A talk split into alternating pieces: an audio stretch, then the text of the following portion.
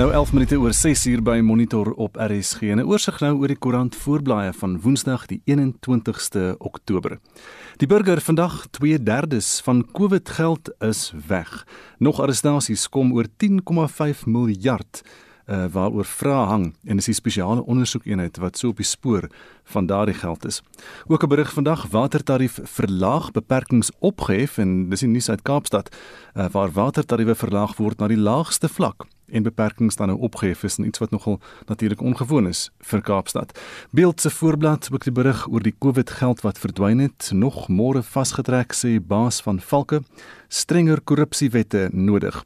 En beeld het nou van vandag af die Oranje daar in sy Mashoven word in die Vrystaat versprei en al die fotos dan van daardie verwoestende brande is ook op beeld se voorblad vandag en ook op die digitale voorblad van Volksblad die nuus oor die brande noodroepe vir boere ANC en VF+ vra staatsingryping en 'n berig dan ook op Volksblad wat sê ses kom Moses te toe hulle op kerkkantoor toeslaan. Internasionaal op bbc.com Donald Trump het 'n Chinese bankrekening en dit volgens die New York Times en eh, betogers word doodgeskiet in Nigerië se grootste stad. En dis vinnige oorsig oor vanoggend se nuus. Die departement van basiese onderwys wil 300 000 onderwysassistente aanstel om kinders te help met hulle leesvaardighede. Nou ons praat voor 7 met 'n kenner oor Suid-Afrikaners uh, die kinders liewer se leesbegrip en of die aanstelling van nog assistente of onderwysers 'n verskil kan maak. Nou, as ouer of onderwyser, wat is jou ervaring van jou kind of kinders se leesvaardighede? Is dit 'n stryd om die liefde vir lees onder kinders te kweek? En hoe oortuig jy jou kind? Hier's 'n goeie vraag om eerder te lees as om voor die TV of rekenaar te sit. Stuur vir ons 'n SMS na 45889, dit kos R1.50 of gaan na facebook.com vorentoe skynstreep ZRSG of WhatsApp vir ons stemnota na 076 536 6961 076 536 6961 Dis 13 minute oor 6 en boere en inwoners van Hertsgwil, Deelswil en Hoopstad in die Vrystaat spook om reuse brande onder beheer te bring. Die brande het glo Sondagmiddag in die gebied opgevlam en ons praat met Vrystaat Landbou se veiligheidskoördineerder van die Letswale Putsa streek Andre Jansen van Rensburg. Andre, goeiemôre. Goeiemôre aan jou en al die luisteraars. So weet jy waar hoe die brande ontstaan want gister toe ons nou vir die eerste keer oor dit gepraat het, het dit gelyk soos betogers op 'n pad daar elders. Korrek, die brand het ontstaan Sondagmiddag nadat betogers uh, betoog het oor die kwaliteit van die water, uh, die munisipale water in Hertsgwil en die brand uh, het toe oor die uh, teerpad gespring en in die veld ingegaan. Uh windtoestande en en die hoë temperature wat ons wat ons tans beleef het, toe net hierdie vuur aangeblaas en hy weg. Het hulle spesifiek iets aan die brand gesteek daar op die pad? Ek weet nie op seker ehm brandstigting was nie, maar die die die brand het natuurlik vir die betogers ontstaan en daarvan af baie vanaf baie wat uh, ver versprei. En so julle spook al nou al sedert Sondag hiermee. Ja, ons het Sondag uh middag laat begin. Ehm um, en ons het hom gistermiddag laat het ons hom doodgekry. Ongelukkig het die weertoestande speel nie lekker saam op hierdie stadium nie. Hmm. Baie uh, sterk winde en en winde wat almekaar draai en en hoë temperature is besig om dit baie moeilik te maak. Ons staan hom plat en dan dink ons ons het hom gewen en dan staan hy net weer op ander plekke op. Ja. Andre kry jy hulp uh, van in enige vorm daarvan van die plaaslike munisipaliteite in die omgewing? Op hierdie stadium is dit ongelukkig ja, op die platteland in geval dat die munisipaliteite uh, selde in, in staat is om eers hmm. ordentlike dienste te lewer as gevolg van politiek geld al die dinge. Uh so nee, van die van die munisipaliteite nee. Ek moet wel sê van die van die bevolking van Suid-Afrika ongelooflik. Die dit is asof daar 'n sluys oop gegaan het en op stroom in van alle oor. Dit is regtig ongelooflik om te beleef. Andrei, hoe groot is hierdie gebied wat wat brand en wat gebrand is? Dit klink of dit taamlik groot is, né? Nee? Ons het um, maandagmiddag afhanklike uh opsomming gemaak en net te probeer 'n bepaling doen en toe het ons gestaan op so 37 amper 38000 hektaar en toe het weer opgestaan en toe die brande van Warrington bygekom ons staan op hierdie stadium na my mening ver oor 100 000 hektaar. Dit is ongelooflik hoe die weeromstandighede hom net aanblas. Hm. So hier is natuurlik nog in hierdie stadium uh, in die hitte van die stryd daar en seker nog besig met die skadebepaling, maar het jy 'n idee van ander skade wat aangerig is? Daar's natuurlik vee en geboue en so aan. Baie vee het gebrand. Uh, ek weet van van mense wat 'n tropskape van 600 skrape het waarvan meer as die helfte gebrand het. Dit is baie moeilik om te bepaal. Uh, as ons so vuur beklei dan dan gaan die manne in en hulle sny drade en hulle hulle veg die vuur. Hmm. En wat dan gebeur is baie keer verdwaal vir vir probeer uit die pad uitkom, wil probeer uit die pad uitkom. Uh so dis baie moeilik. Dit vat ons tyd tot 'n week of 2 weke om net weer alles te kry en en by hulle eienaars uit te kry. So dis baie baie moeilik om skare bepalings te doen. Geboue definitief gebrand. En ons dink ook aan Thierry Nel wat ernstige brandwonde opgedoen het in die brand, 22 jarige boerseun wat hm. wat ons ons hoop dit gaan oorleef. Ja. Is daar hulp vir die boere beskikbaar? Jy het nou gepraat van die van die res van die land wat hulle harte oopmaak? Definitief, dis ongelooflik die gewere wat instroom die die hulp. Daar's reeds voer wat wat inkom van reg oor die land af. Vervoer word beskikbaar gestel. Dit is absoluut ongelooflik om hierdie masjiene in aksie te sien. Andre van 'n van 'n oogpunt af 'n tegniese oogpunt af moet die boere nou in, weer eens in die hitte van die stryd daar 'n akkurate rekord nou probeer hou van die skade wat aangerig word. Ja, ons probeer dit doen, maar dit is ongelooflik moeilik. Soos ek reeds gesê het, hmm. die hoofprioriteit nou is die beperking van verdere skade. Ehm um, soos ons die die brand onder beheer het en en en dan kan jy begin kyk rondom wat gaan aan, wat wat het jy oor uh om meer oor te begin. Uh make hmm. yourself ding. Dis dis ongelooflik om om alles gou vir die gewerk het. Al die kampe wat jy vir vir letterlik ja. tyd tot jare nie gebruik het nie in rook te sien opgaan. Dis dis dis hartverskeurende. Ek het gehoor jy noem uh, Warrington so die brande het na die Noord-Kaap versprei. Nee, het van van Warrington se kant af het weer begin oh. brand. Uh daar was 'n paar kleiner brande voor die die groot brand wat van Hertshof af gekom het in die omgewing, maar maar beheerbaar. Hierdie tyd van die jaar het ons maar uh droogveld en en brande is maar uh, iets wat gebeur. Uh maar maar daai van Warrington se kant af, ons op se kant toe, het ons se kant toe, het daar weer groot brande bygekom. Hmm. Waar hulle ontstaan, kan ek nie sê nie, maar dit is op hierdie stadium die brande wat nog wat nog woed. Uh na my beste kennis is hulle redelik onder bedwang gebring gister, maar die die situasie is ongelooflik vreemd. Andre baie dankie Andre Jansen van Rensburg, hy is Vrystaat Landbou se veiligheidskoördineerder van die Letswale Putsa streek. En ons bly by die storie en praat nou met die Vryheidsfront Plus se provinsiale leier in die Vrystaat, Jan van die Kerk. Môre Jan.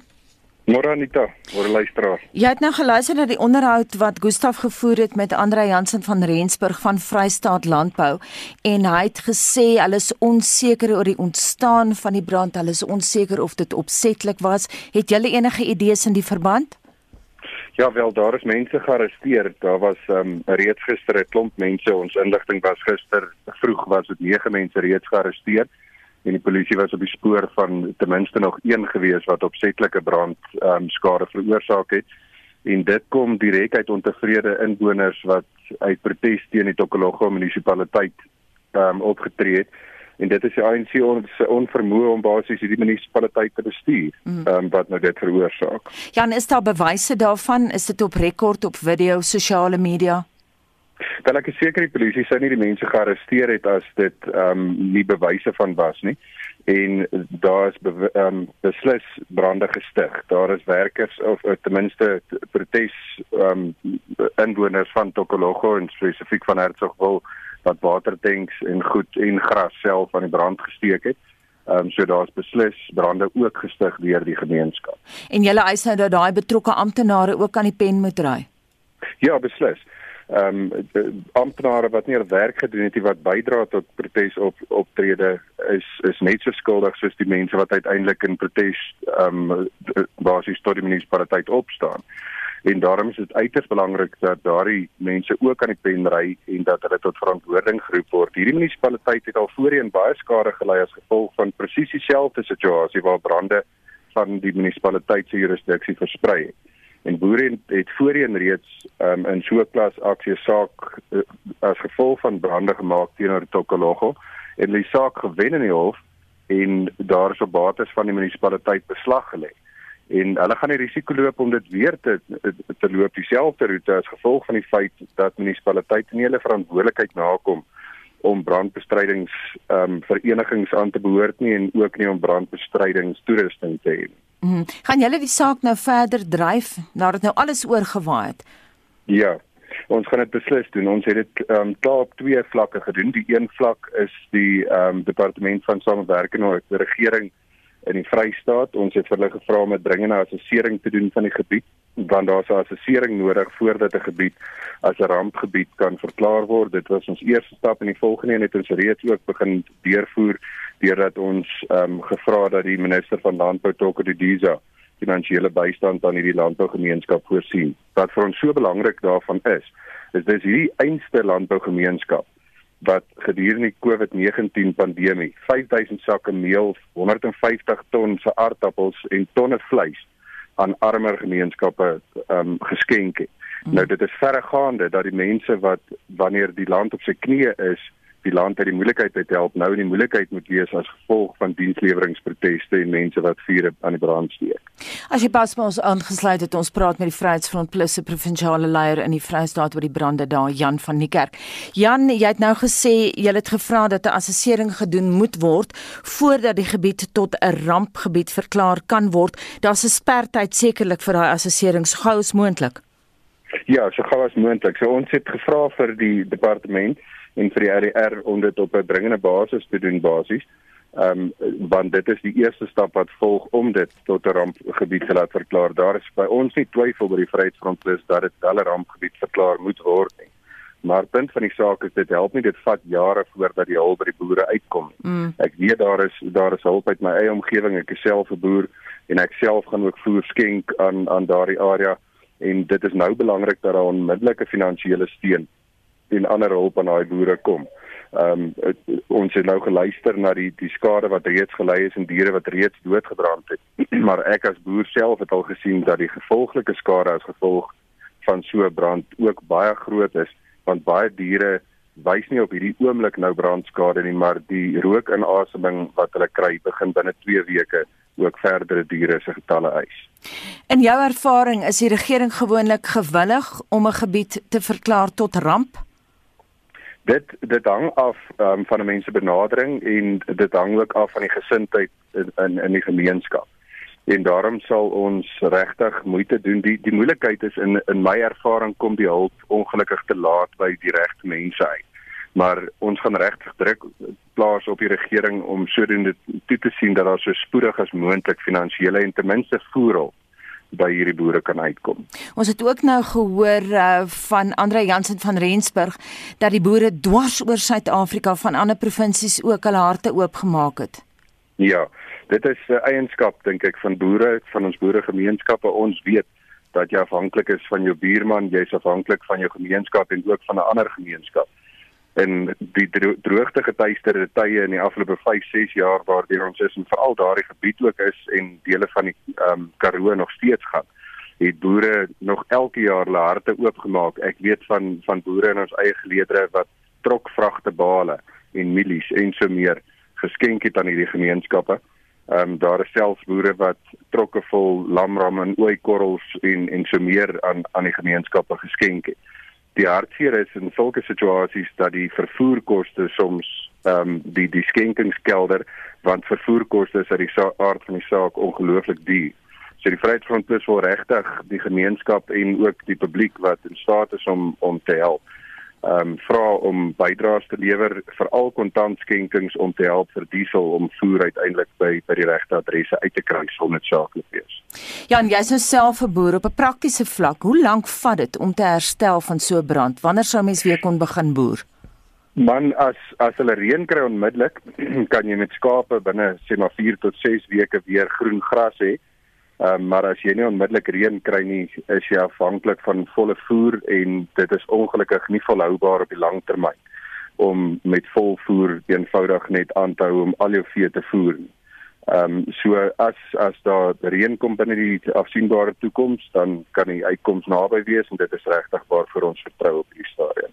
Baie dankie dit aan Jan van die Kerk, die Vryheidsfront Plus se provinsiale leier in die Vrystaat, dat die landbouorganisasie SAI sê boere van elders in Suid-Afrika wat met voer of ander hulpmiddels kan help of simpatiseerders wat bydraes vir die vervoer na die rampgebied kan maak, kan hulle kontak by 066 071 6094. Ek herhaal daai nommer 066 071 6094 ons sal daardie nommer later in monitor herhaal Hoe bevorder ons leesvaardighede onder Suid-Afrikaners se kinders? Wat sê ons luisteraars, Estie? Christel Botus Pretoria sê ek het vir my kinders gelees vandat hulle gebore is en hulle het self ook lesers geword totdat my oudste 'n tablet moet begin gebruik vir handboeke in graad 5. Dit was soos om 'n baksteen muur te tref. Hy lees ten minste nou weer 5 jaar later al is dit net nie fiksie. Andre Himan wat self 'n onderwyser is, skryf: "Sal daardie assistente self kan lees. Wonder maar net waar die geld vandaan gaan kom om hulle te betaal en hoeveel en hoe lank voor hulle gaan staak vir beter salarisse." Anerien Herbs laat weet die skool lê die basis vir lees. Jy as ouer het 'n verantwoordelikheid om 'n kind se lees vas te lê en in te oefen. Daar is selfs wonderlike programme waarmee jy prakties hul lees kan inoefen.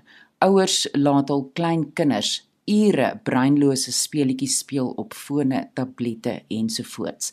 En Sinvia Redlinghuis sê sy stem saam met Anarien, ouers moet hul kindertjies op hul skoot tel en lees en prentjies wys vanaf geboorte tot amper graad 4 en 5. Juffrou leer kindjie lees, maar ouers moet dit elke dag versterk.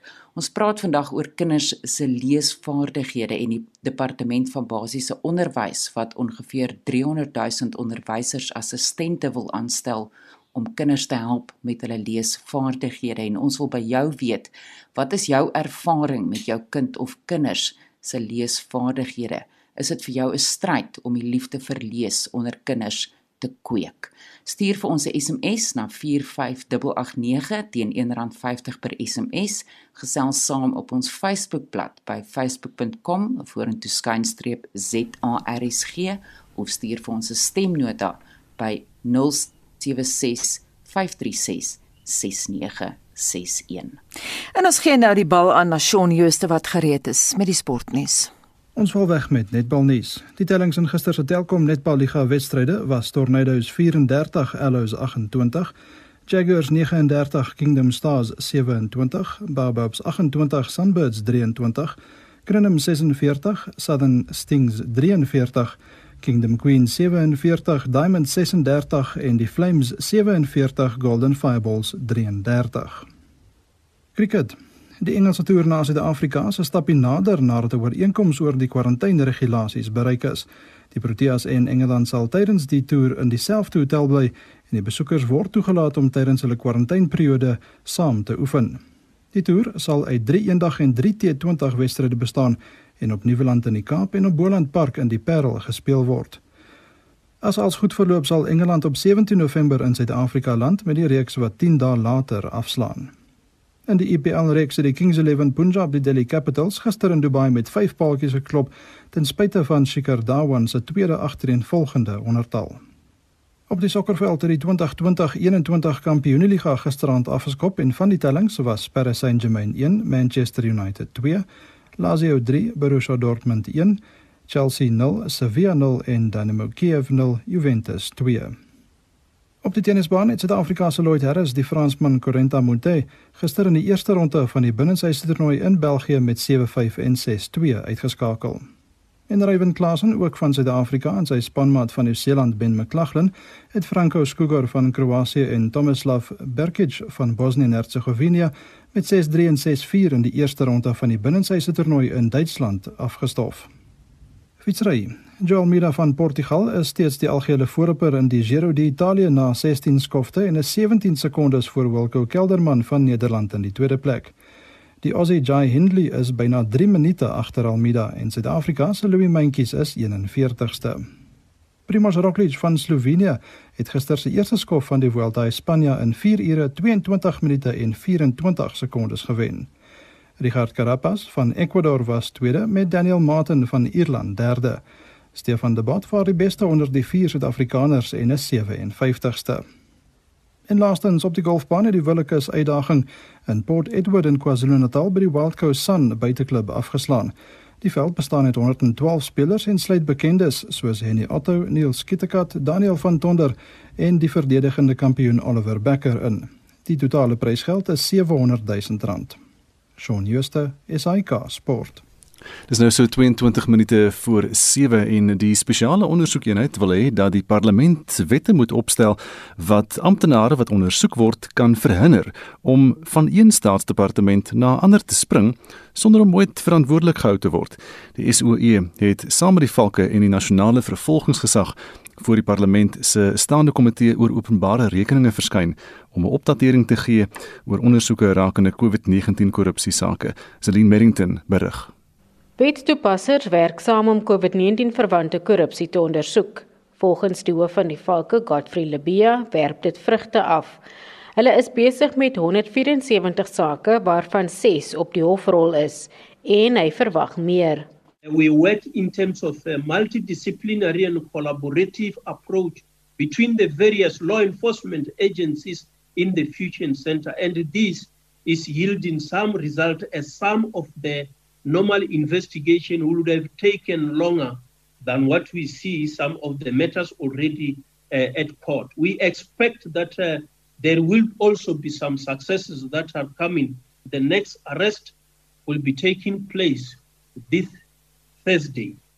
Die hoof van die spesiale ondersoekeenheid Andy Motibi sê 'n herhalende tema is dat regeringsamptenare die valbyl vryspring deur te bedank wanneer hulle vir misdrywe ondersoek word. Hy het gevra dat die parlement ingryp. This remains a a a an issue. Uh and we we continue to see it so it will really be appreciated if some framework can be facilitated. We are available to make uh, to make any input that uh, that we may be required to do. Hy sê die kwessie van mense met politieke koneksies moet ook aandag kry. As it sits now, where the procurement process has been followed and all the compliance uh, areas uh, have been found to be in order, the fact that you are what linked or in any other way to any politically exposed person does not make legally does not make the procurement process irregular.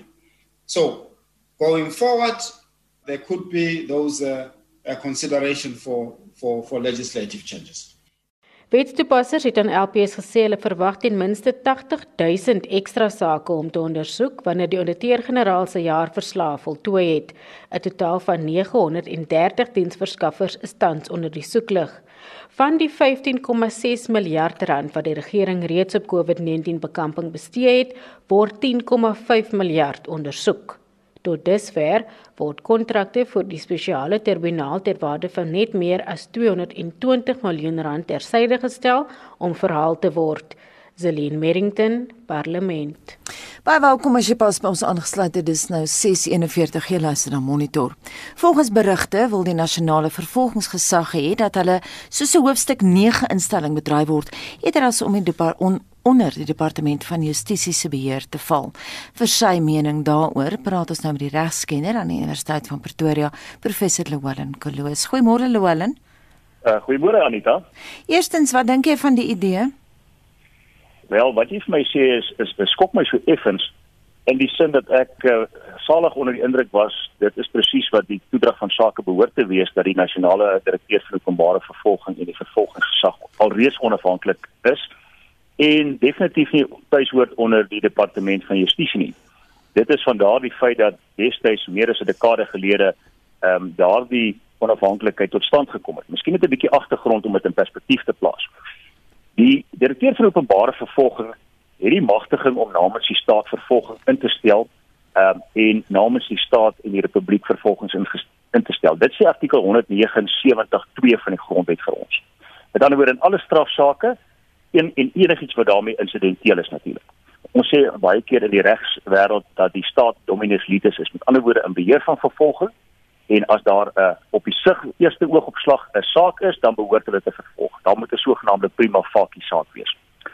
Dan sê die ehm um, grondwet ook in artikel 179 dat 'n enkele nasionale vervolgingsgesag met onafhanklike politieke autonomiteit daargestel word. Nie onderhewig aan die uitvoerende of die regsprekende gesag nie. En net dit op sigself behoort vir ons te sê dat die nasionale vervolgingsgesag eintlik nie tuis hoort onder enige van hierdie sambreel uh, organe die uitvoerende gesag die resprekende gesag met ander woorde insluitend in die departement van justisie. Jy sal weet dat in uh, op die 1 Oktober 1998 het die nasionale vervolgingsgesag wet 32 van 1998 in werking gekom. En miskien is dit hier waar die probleem inkom. Want in terme van die uh van die grondwet saamgelees met hierdie wet, moet die staatspresident 'n nasionale direkteur aanstel en soveel soos 3 adjunkte. Met ander woorde, die staatspresident wat deel is van die uitvoerende gesag, hy moet die finale seggenskap hê oor die aanstelling van daardie persoon wat in beheer is van die vervolgingsgesag. Miskien is daar 'n uh, ruimte vir verbetering want die vraag wat gevra word, is dit nie maar dan indirek 'n pion in sekere gevalle van die staatspresident nie. Hmm. Ehm um, die nasionale vervolgingsgesag het die ou wet op prokureurs-generaal van 1992 destyds vervang. Met ander woorde, al alle verwysings in ons strafproseswet en daar is nog baie daarvan wat verwys na die prokureur-generaals van destyds verwys heidaglik na die nasionale direkteur van openbare vervolging. Nou as jy mens kyk na die grondwet en jy kyk spesifiek na die inleidende gedeelte van hierdie wet op nasionale uh, uh, uh, vervolgingsgesag, dan sommer in sy inleidende bepaling het hy 'n snaakse opmerking en dit is lyk my waar die probleem inkom. Hy verwys daar spesifiek dat die minister, die kabinetminister verantwoordelik vir die administrasie van justisie, finaal verantwoordelik is vir die vervolgingsgesag. En dit beteken by implikasie dan uh minister Lamola, die minister van Justisie heidaglik en korrektiewe dienste. Maar ek dink dit is 'n baie eng uh interpretasie want as mens kyk na artikel 32.2 van daai selfde wet, dan moet hierdie persone wat aanklaers is, direkteure van openbare vervolging en die nasionale direkteur 'n eed aflê waarin hulle ook onderneem om sonder bevooroordeling um en sonder om inmenging van enige persoon, staatsorgaan of instansie altyd onafhanklik uh uh sake te bereg en uh, te vervolg in Suid-Afrika. En die minister in terme van artikel 33, net die volgende artikel in daai selfde wet, praat daarop is baie spesifiek dat die minister net geregtig is op sogenaamde inligting. Die Engelse woord wat wat gebruik word en onderteken is deur die staatspresident sê information. En dan natuurlik om van tyd tot tyd vergaderings aan te vra met die relevante rolspelers. En dit is min of meer die rol en die strekking en die beperking van die minister se invloed op die vervolgingsgesag. As jy vir my sê dat die algemene gevoel daaronder uh, uh, lyk vir my by die by die uh, relevante persone wat hierdie tipe goed kwytraak is dat daar nou 'n onafhanklike artikel 9 entiteit gestig moet word en dis meer dan dink ek het hulle van die begin af hulle hulle hulle doelwit gemis want dan verstaan hulle self nie uh, wat hulle daarvoor aangestel is nie. Mm, want die kruks hier is onafhanklikheid. Korrek, korrek. Dit is tog duidelik dat sodra daar inmenging van staatsorgane is van die minister of enige ander politieke inmenging, dan kan hierdie persone tog seker dit nie hulle werk doen sonder bevooroordeling uh, en sonder vrees nie. En dit is presies waarvoor die ons onafhanklike vervolgingsgesag het. Um, ek meen, as dit anders was, dan was dit so goed geweest ons het 'n uh, uh, bandjies vir boeties en ons kan aanstel net wie ons pas en dit is wanneer ons tipies sal sien dat daar sekere selektiewe vervolging plaasvind wanneer dit sekere politici politici pas en ander nie. Llewellyn, maar onafhanklike uh, of onafhanklikheid beteken sekerlik nie dat jy nie aanspreeklik is aan iemand nie. Ja, natuurlik. Ek weet daar sal altyd 'n oorkoepelende um, persoon wees of instansie um, wat vir finaal verantwoordelikheid moet aanvaar. Maar dis is, uh, as ek terugkom na my aanvanklike opmerking. Die grondwet sê baie duidelik dat die relevante minister van Justisie die finale en hy praat van administratiewe oorkoepelende verantwoordelikheid moet aanvaar. Met ander woorde, en dit is die som totaal van sy van sy van sy betrokkeheid.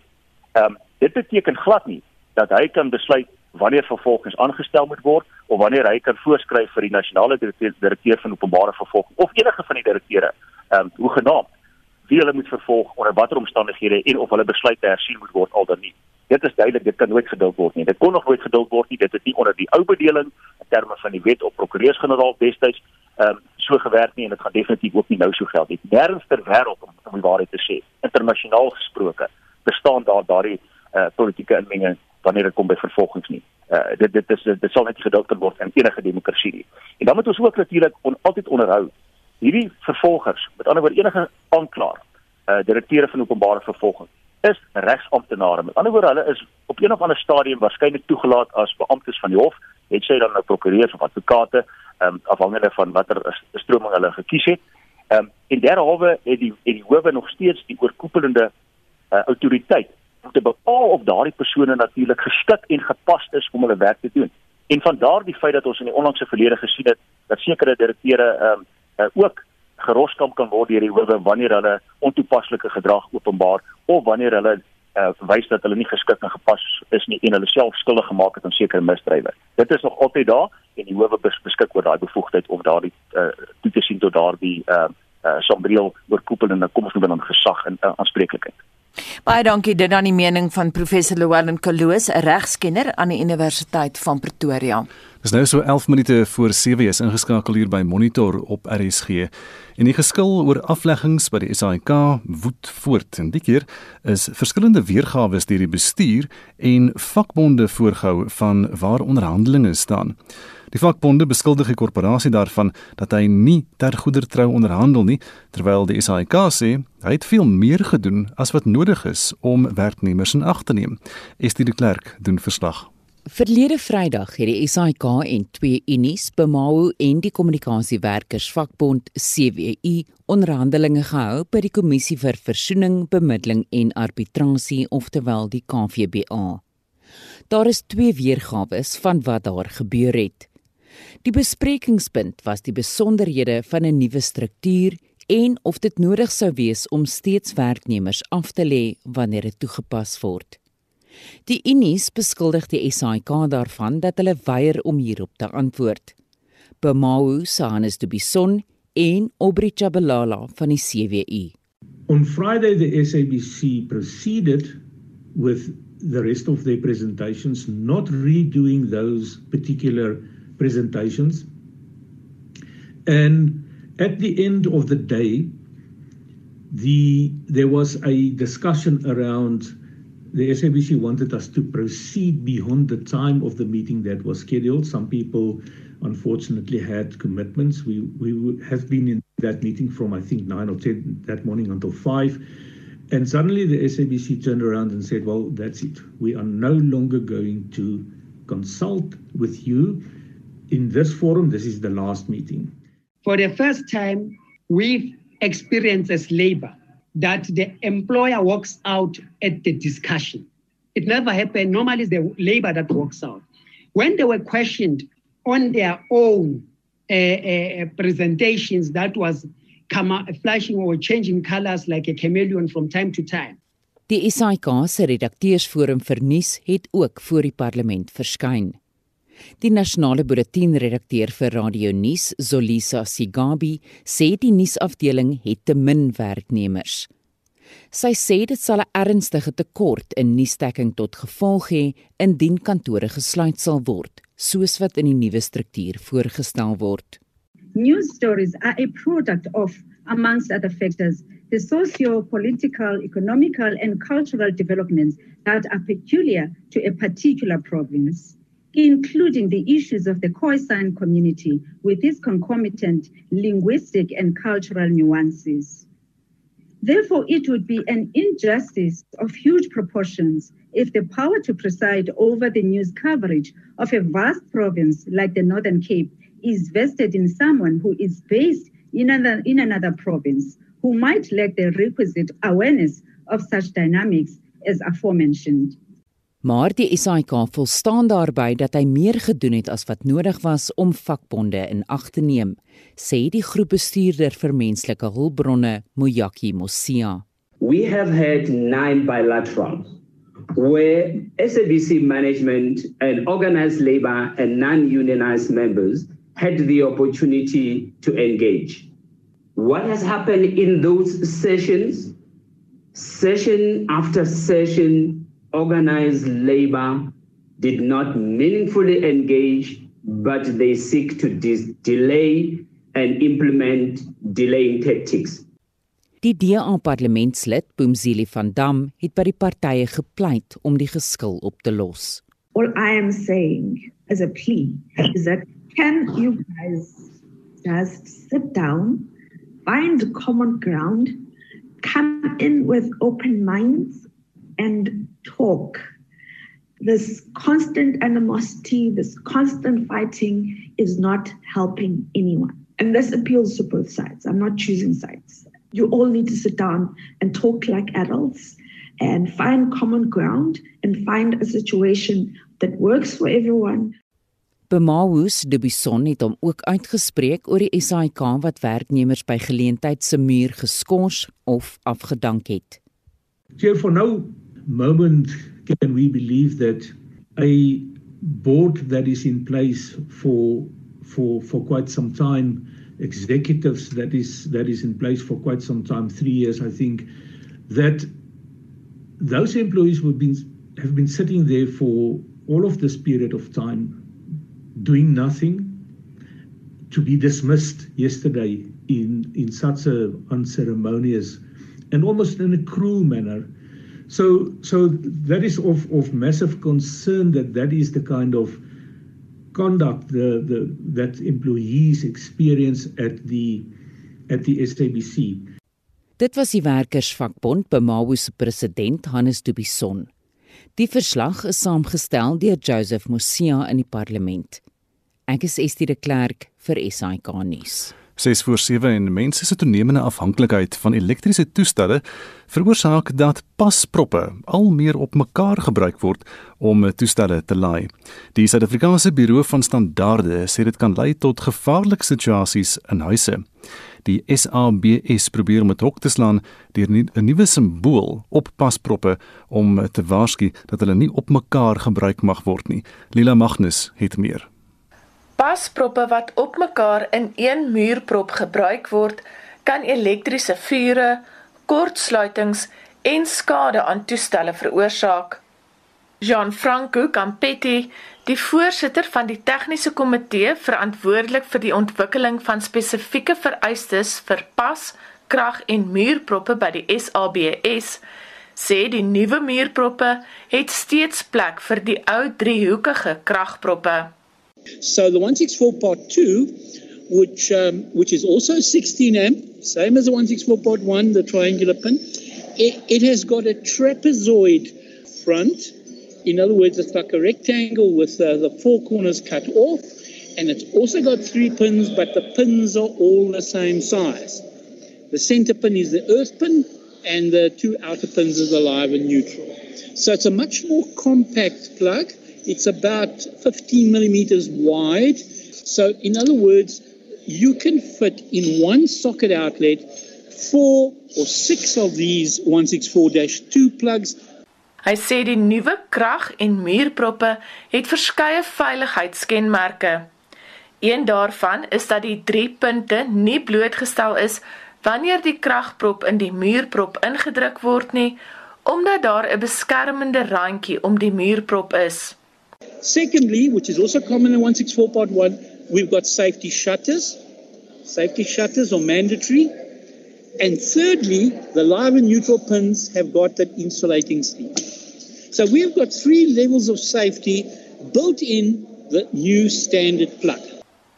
Jody Schools, die hoofadministrateur van die SABS, sê die nuwe krag en muurproppe is ontwerp met die veiligheid van Suid-Afrikaners in gedagte. We're trying to minimize electrical fires, equipment malfunctioning and you know also looking at cost savings down the line. Campetti sê mense kan die voordeel van die veiligheidskenmerke van die nuwe krag en muurproppe hê sonder om 'n fortuin te spandeer. Behind your TV set which are, there got a lot of connections, there you can get very nice cord extension sets which have got all these sockets on there.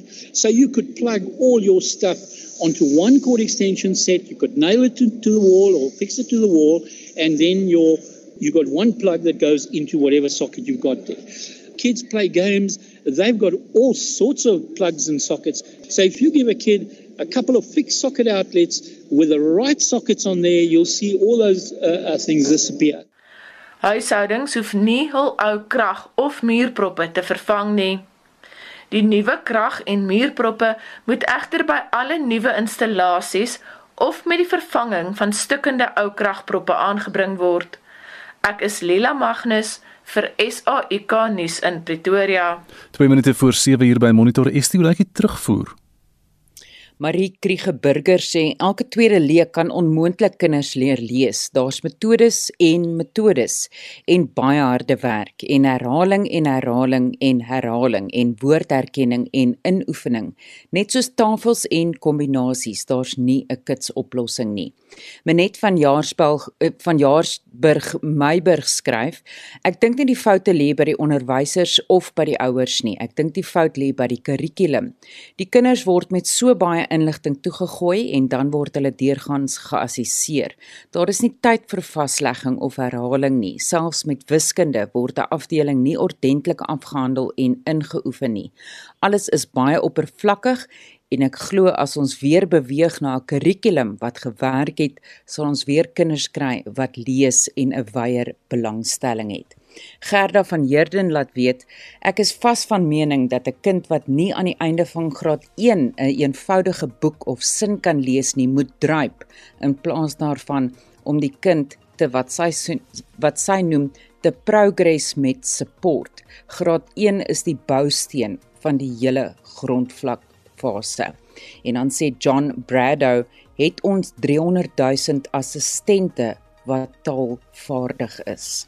Madeleine van Wyk sê lees en begripstoetse gaan hand aan hand om net te lees en die kind se verstaan van wat gelees is te toets sal nutteloos wees. Ons praat vandag oor leesvaardighede en ons vra vir ouers en onderwysers wat is jou ervaring van jou kind of kinders se leesvaardighede? Is dit 'n stryd om die kind um om jou kind te oortuig om eerder te lees as om voor die televisie of rekenaar te sit. Stuur vir ons 'n SMS na 45889 onthou dit kos R1.50 gesels saam op ons Facebookblad by facebook.com/vorentoe skynstreep ZARSG of stuur vir ons 'n stemnota na 076 536 6961. En is nou 7 uur in nuustyd op RSG.